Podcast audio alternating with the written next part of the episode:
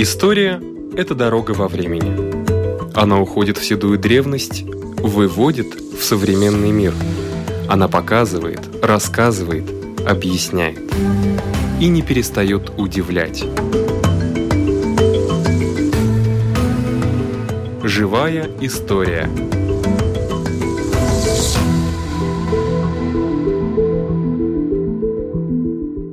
У микрофона Лидия Чера.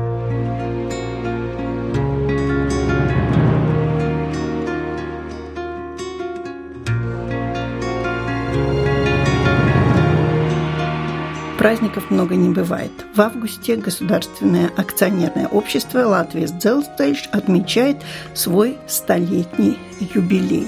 Но ведь, как мы знаем, железная дорога на территории Латвии была много раньше.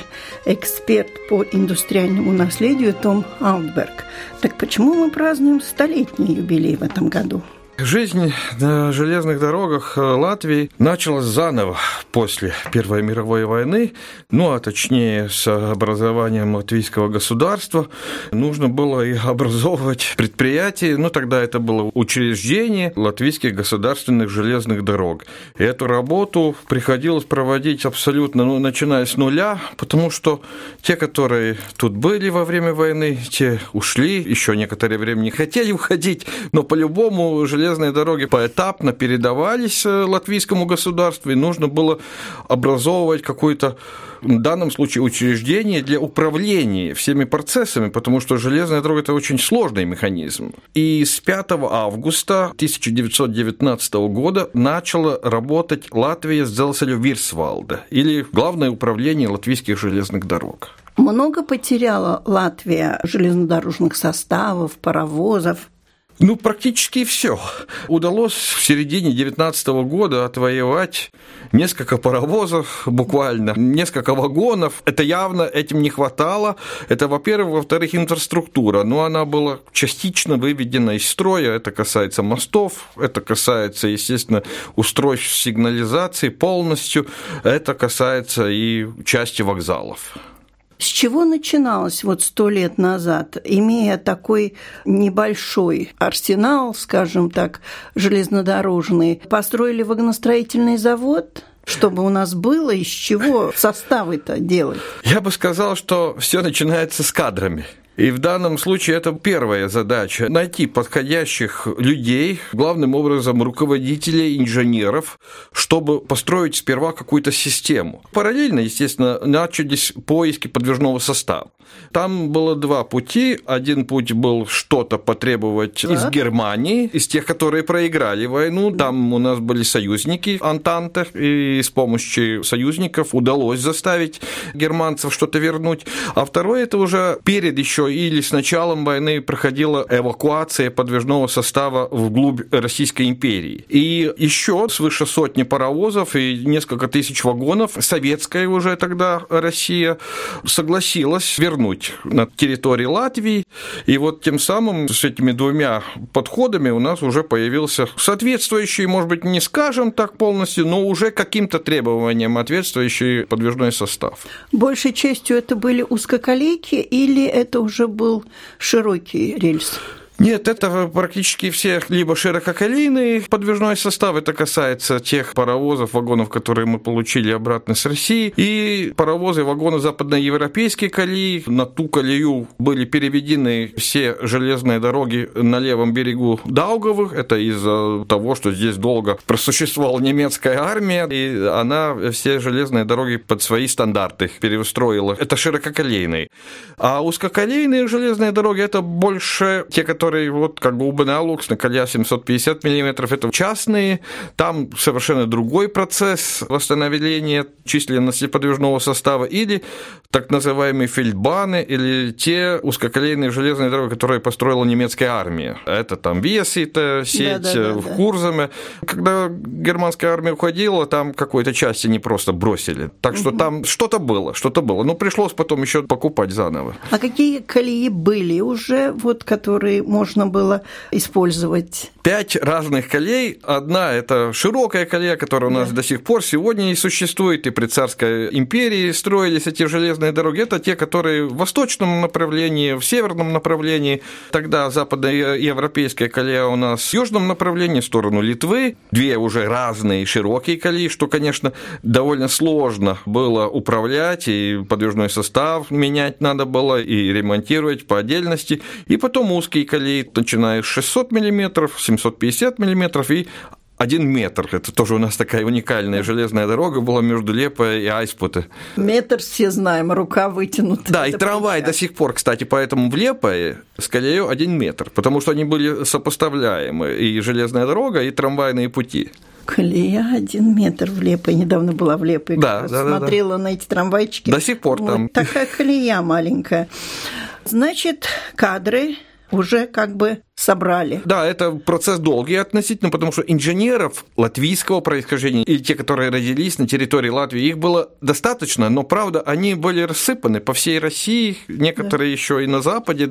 И но пошло... это время было беженцев, еще не да, все вернулись. Да, да, это так. вот потихонечку до 21 года вот все они вернулись, и оказывается у нас довольно много железнодорожников и инженеров, причем с большим опытом уже в России, так что удалось вот с кадрами, да, удалось довольно успешно успешно их найти для руководящих постов. Вот сложнее даже было э, с рабочими, потому что навыков, все-таки они специфические на железной дороге, не так легко их э, обучить э, вот этими навыками. Сперва никаких школ не было. У нас в Латвии, что интересно, во время царской империи у нас практически не было железнодорожных школ. Было на территории Эстонии, было на территории Литвы, а в Латвии не было. Это все вот приходилось заново создавать, систему обучения и тому подобное. Юрные школы были были. Да, да, да, моряки, были. да, да, моряки, да. Вот. А железнодорожников как-то не учли. Но я думаю, что вскоре и железнодорожная школа открылась. Да, и в Риге, и самое главное в Даугавпилс, потому что до сих пор у нас Даугавпилс, в принципе, самый большой железнодорожный узел. Если вот все структурных подразделений посчитать, что в Даугавпилсе у нас больше всего. Мы начали сто лет назад, потом как развивалась железная дорога. К 2021 году собрался уже кадровый состав, уже собрали со стороны Германии, со стороны России, вернули состав, то есть уже могли начинать работать в полную силу и начали развивать товарные перевозки, грузовые или пассажирский транспорт, что было изначально. Да, у нас практически все железные дороги, кроме Юрмальского направления, строились как грузовые, потому что у нас порты, у нас э, транзит получается Санкт-Петербург-Варшава, то есть э, эта нитка тоже проходит через Латвию, а уже при независимой Латвии, может быть, немножко поменялось это все. Ну, у нас транзитных грузов тогда из-за политических и ну, экономических... Латвия немножко изолирована. Да, да, да, Латвия немножко стала изолированной. И железная дорога больше стала работать именно на пассажиров, потому что мобильность людей – это очень важный фактор. А кроме железных дорог, в 20-е годы какие там автомобили, ну, были, но их было мало, дороги плохие, как и теперь у нас проблемы, да, тогда, конечно, они были очень серьезными, и поэтому железная дорога стала основной составляющей для всей транспортной системы. В принципе, она такой и остается. Я надеюсь. Когда перестали пользоваться паром, паровозы, это уже перед войной, Второй мировой, или позже, или раньше? Начался медленный переход именно для пассажиров на моторные вагоны. То есть это какие-то рельсовые автобусы, это отдельные вагоны или составы, как сейчас мы называем дизель-поезда, только с двигателями внутреннего сгорания. Но это развитие было очень медленно, и, во-первых, это уже конец 30-х годов. Во время войны, естественно, такие эксперименты нигде, нигде уже не приводилось. Воевали и пользовали паровозы в основном везде то, что есть, то, что хорошо работает, то, что уже все известно. И поэтому процесс вот такой стратегический, процесс перехода от паровой на тепловозную тягу, он начался только в 60-е годы. Так долго просуществовали паровозы. Да, у нас основные перевозки еще в 60-е и до половины 70-х годов грузовые перевозки были на паровозной тяге. Пассажирские перевозки, они уже в 60-х годах, когда тем более Рижский вагоностроительный завод начал выпуск дизель-поездов, это уже переход немножко раньше. И Рига-Москва, естественно, самый главный маршрут, это тоже у нас с 63 -го года уже на тепловозной тяге полностью. Но нельзя не вспомнить Рижский вагоностроительный завод, ведь он же был лидером. Да, он был лидером и в царское время. Он да. был, если иметь в виду территории Латвии, то лидером, естественно, и в межвоенный период, и тем более в советском периоде все электрички, электропоезда для всего Советского Союза, для Болгарии, для Югославии, они строились в Риге. И там тоже был, наверное, хороший инженерный состав. Да, да, но он, конечно, формировался заново уже после Второй мировой войны. Такими богатыми были. Традиции очень-очень большая сила. Я да. думаю, что мы потихонечку возрождаемся сейчас. Хоть один паровоз, вот этот э, Гулбен Алуксне, он в действии? Да, он в действии, да, правда, он эстонский, так, если да, там смотреть, кто, да, кто хозяин, да. Ну, по рождению он немецкий, в принципе, да, он да. репарационный паровоз. Да. Но мы его восстановили, мы его эксплуатируем, я надеюсь, что еще довольно продолжительное время, да. Это большой паровоз? Такой, да? Э, нет, это узкоколейный паровоз, но для узкой колеи он большой. 24 тонны, это да. не смешно. И он тоже паром, да? Да, он еще по старому принципу у нас котел, мы там греем воду, потом это все превращается в пар, и пар уже работает в цилиндрах, передвижение уже на колеса передается при помощи дышл. У него имя было? Да, Фердинанд. Фердинанд, Фердинанд это в честь барона Гулбинского, Шваненбургского тогда еще. А действует узкоколейка еще? Да, у нас регулярное сообщение, каждый день по два рейса, а паровоз у нас каждую вторую субботу, потому что он все-таки уже старенький, это во-первых. Во-вторых, экипаж из трех, если у нас один машинист тепловозом управляет, то на паровозе три человека, кочегар, помощник. Кочегар до сих и... пор, да. Это работа углем, сложная. Не-не, да? мы дровами. В Латвии что хватает, то хватает. Может быть, сейчас поговорим о мероприятиях, которые связаны с э, юбилеем. Да. Латвийской железной дороги. Что и где можно увидеть, где поучаствовать. Это мероприятие немножко разного характера. Во-первых, это у нас парад подвижного состава. Он будет проходить 3 августа на трех сразу станциях Рига пассажирская или центральная, Даугавпилс и Елгова. Сценарий похожий, но в Риге будет проводиться специальные экскурсии по этому подвижному составу. Будет такой рассказ довольно серьезный по каждому из этих транспортных средств. А там у нас и тепловозы, вагон пассажирский, а также специальная техника путейских работ, которая у нас вот действительно на самом высоком мировом уровне. Ох, я вас прерву, господин Алберг. Дело в том, что 3 августа – это у нас сейчас в записи в студии впереди, а когда будет звучать наша программа, она будет звучать во вторник, это будет уже позади. Так Ладно. что кто успел, тот успел. Но все равно в мероприятиях я бы хотела услышать. Всюду все равно все не успеют. Ведь и в Даугавпилсе тоже будут мероприятия. Да, там тоже тоже парад подвижного состава Ой. по такому же самому принципу. Это интересно, конечно. Жаль, надо было раньше. Ну, поговорим о 8 августе. 8 августа с удовольствием. Да, это у нас особый день Музея истории Латвийской железной дороги. С пяти часов начнется празднование столетия. И э, действительно, мероприятие там очень разного характера для всех поколений. Будет открываться выставка, выставка фотографий о тех вокзалах или тех э, станционных зданий, которые уже больше, у них нет той функции, которая у них была поначалу, потому что все-таки нужно иметь в виду, что более полтора века у нас существует железная дорога в целом, да, да и те станционные здания, которые, например, были построены 150 лет тому назад, у них немножко другая функция предназначалась, в отличие от сегодняшнего дня. Поэтому многие вокзалы у нас служат как э, ну, как частные дома, например. Есть и музеи в вокзалах. А может, конкретнее? Айрита. Есть у нас такой прекрасный вокзал Айрита. Это Лепойское направление. Это между Салдусом и Скрундой. Вокзалом, наверное, его можно частично называть, потому что станционное здание, где было помещение э, разного характера. Это и для служащих железнодорожников, и зал ожидания, и на втором этаже это квартиры. Ну, оно вот сейчас приватизировано, там частное лицо. Петерс очень-очень прекрасный музей сделал. А. За свои личные средства без какой-то либо помощи. Да, он участвовал в каких-то европейских проектах, да, но это самофинансирование по-любому большое относительно. Железнодорожный да. музей? Да, он, правда, не железнодорожник, но ему нравится железная дорога, ему нравится эта обстановка, которая вокруг железной дороги царила всегда и царит сегодня. И он немножко вот в историческом плане собрал все, что смог, и часы старинные, и стулья, кресла, и фотографии, и рассказы о постройке Лепойской линии. Она ведь самая первая, которую мы при независимой Латвии построили. Это все таки огромнейшая работа, 160 километров новой железной дороги построить. После войны, всего 5 лет после войны это все началось, ну, это подвиг. Да. Это вот рассказ там как раз о, о всем этом его в маленькой выставке, которая в зале ожидания устроена.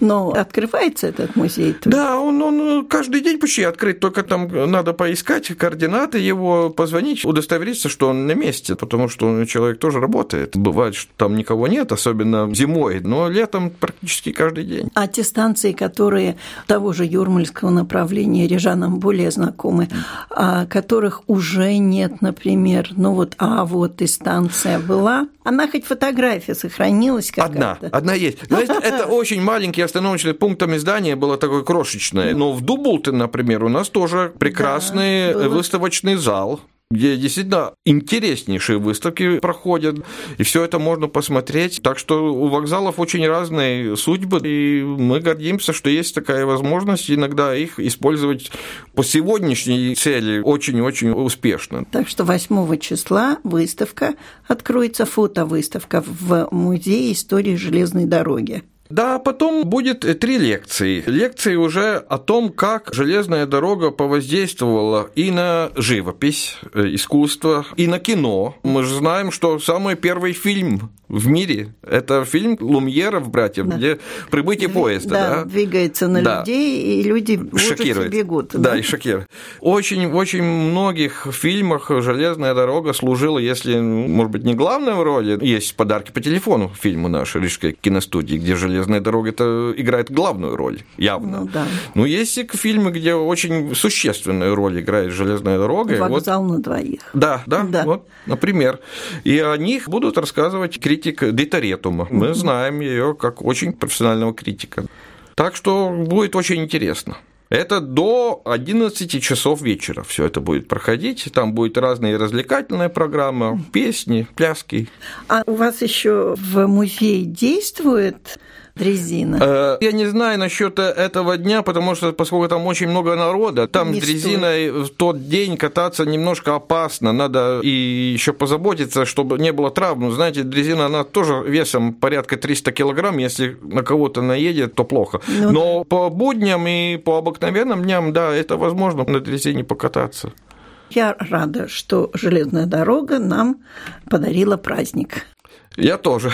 И 3, и 5, и 8 августа. Да. Спасибо. У нашего микрофона был эксперт по индустриальному наследию Том Алтберг.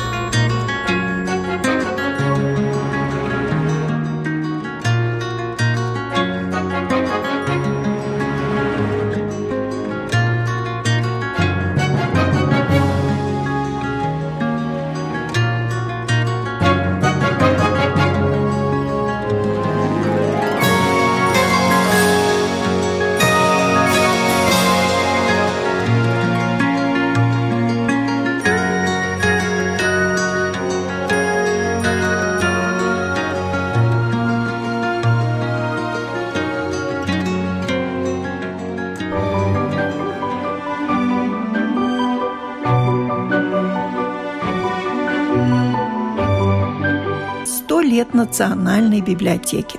Программа «Живая история» предлагает цикл сюжетов о раритетах, которые там находятся. Итак, заглянем в хранилище редких книг.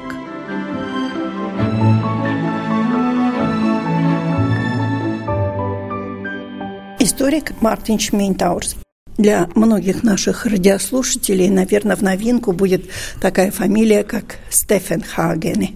Но выставка знакомит даже не с одним Стефен Хагеном, а с целой плеядой, с династией. И кто они были? Мартин Шмейнтаурс. Стефен Хагены были действительно очень знаменитой фамилии в истории Латвии и Балтийских губерний и в XVIII и в XIX веках. Выставка, которая проходит э, в Латвийской национальной библиотеке и будет еще проходить до конца сентября этого года, посвящается этой фамилии как основателями издательства Стефен Хаген и сын которая появилась в городе Вьелгове в 1769 году и просуществовала 150 лет до 1919 года, когда в связи с войной за независимость Латвии, с отступлением от Риги войск полковника Бермонта, здание этого издательства было уничтожено в 19 году, было разрушено. И, тоже в Елгове оно было, да? Да, она находилась в Елгове, потому что вся семейство Стефенхагенов проживала там, и там и работали, и трудились. И, С чего все начиналось, интересно? Да, это все начиналось в 1769 году, когда Йохан Фридрих Стефенхаген приехал в Ялгову из Саксонии, то есть из юго-восточной части современной Германии, и стал тогда, в 1769 году, придворным хирургом герцога Курленского, и как раз в тот момент, когда менялась власть в герцогстве, то есть когда Эрнст Йохан Бирон передавал свои полномочия своему сыну. Петру Бируну. Но Стефан Хаген как-то недолго оставался на этой почтенной должности и решил заняться другим делом и путем женитьбы стал владельцем издательского дома в Елгове. И с этих пор и начиналась, можно сказать, без преувеличения, славная история издательства Стефан Хагена и сына. Да, но жена тоже была немка, да? Да, да, это были прибалтийские немцы, но по той продукции книг, которые они выпускали, они выпустили в течение 150 лет около 2000 книг на латышском языке и примерно такое же количество книг на других языках, в основном на немецком. По нашим масштабам это совсем небольшой тираж, скажем так. Да. Но это по но... названиям. Тираж, конечно, отличался, но да. 2000 названий на латышском, 2000 названий на других, Понятно, на да. других языках. Тираж очень колеблился, конечно, потому что Стефан Хаген выпустили очень разного рода книжную продукцию, начиная даже не с книг, а начиная с официальных бланков для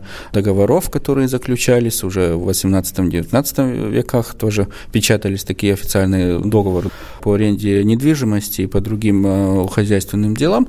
И, впрочем, э, это издательство, в принципе, стало одной из первых, которое занималось, как мы сегодня бы сказали, популярной культурой или массовой культурой, то есть они печатали большими тиражами маленькие карманного формата романы и другого рода билетристику, которая очень охотно покупалась и которая пользовалась довольно большой популярностью среди читающего населения, то есть э, среди крестьян, среди горожан, также и крестьяне, которые приезжали, например, в Ялгову на какие-то рынки, которые проходили 3-4 раза в год большие, то они тоже могли за несколько копеек, э, ниже рубля цена стояла, чтобы были эти книги доступны, купить себе какую-нибудь там развлекательную чтиву, которая потом разошлась по городам и весям. Хочется отметить хорошую полиграфию этих изданий. Они были цветные, даже на плотной бумаге. Да, и случае, со, первые. да, с цветными обложками, и это как раз та продукция, которая привлекала читателей. Помимо этого,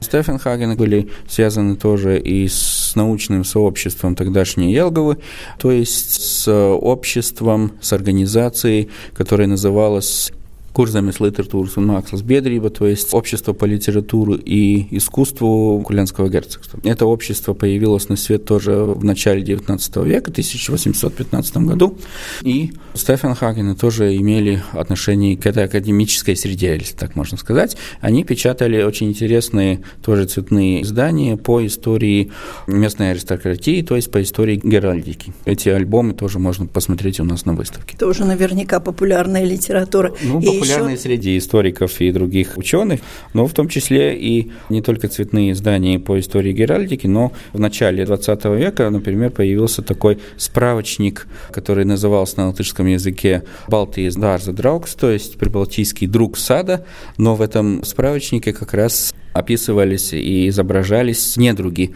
А, вредители. Вредители, да, вредители садоводства, то есть всякие насекомые разных пород, которые могут попортить э, урожай. Да, и как они назывались, и как с ними бороться. А наверное. как они назывались, как с ними бороться, и тоже э, цветными вкладышами, даже без помощи технологии фотографии, можно определить по этим рисункам, как они выглядят и как с ними бороться. Это было первое поколение, а потом сколько поколений было э, Покол... Стефенхагенов? Поколений Стефенхагенов было в общей сложности четыре поколения, и все они остались при этом семейном деле, и даже после смерти основателя издательства было принято такое такое постановление среди семьи, что это издательство не должно перейти в какие-то другие руки. То есть это неразделимое имущество семейства, и всякий, который попадает в семейство Стефенхагенов, он должен принять фамилию, и только потом он может владеть этим издательством. И так они сохранили за собой это мероприятие в течение 150 лет.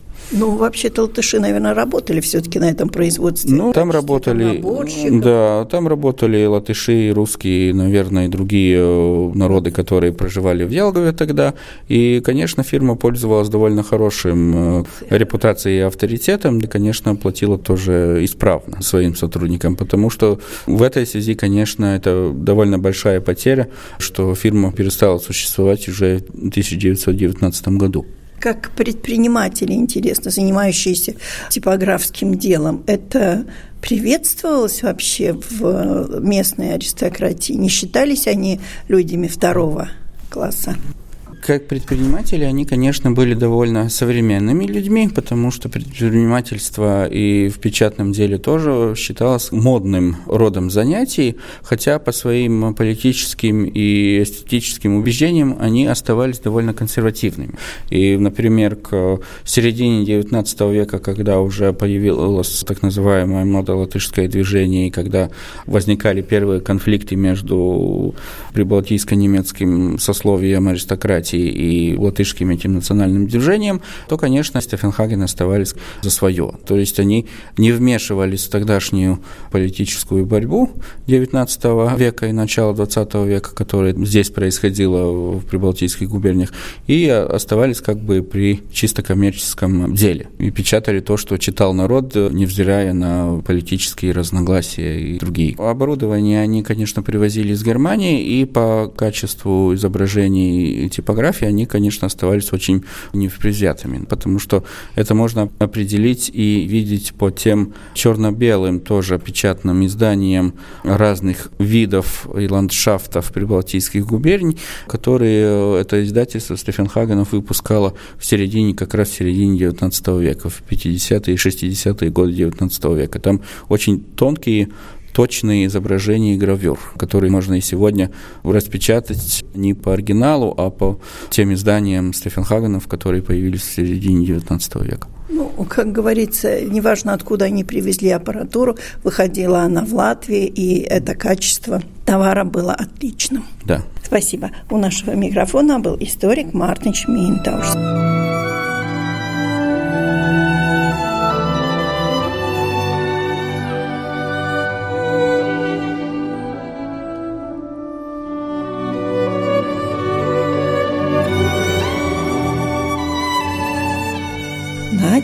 Наша программа заканчивается. Всего вам доброго.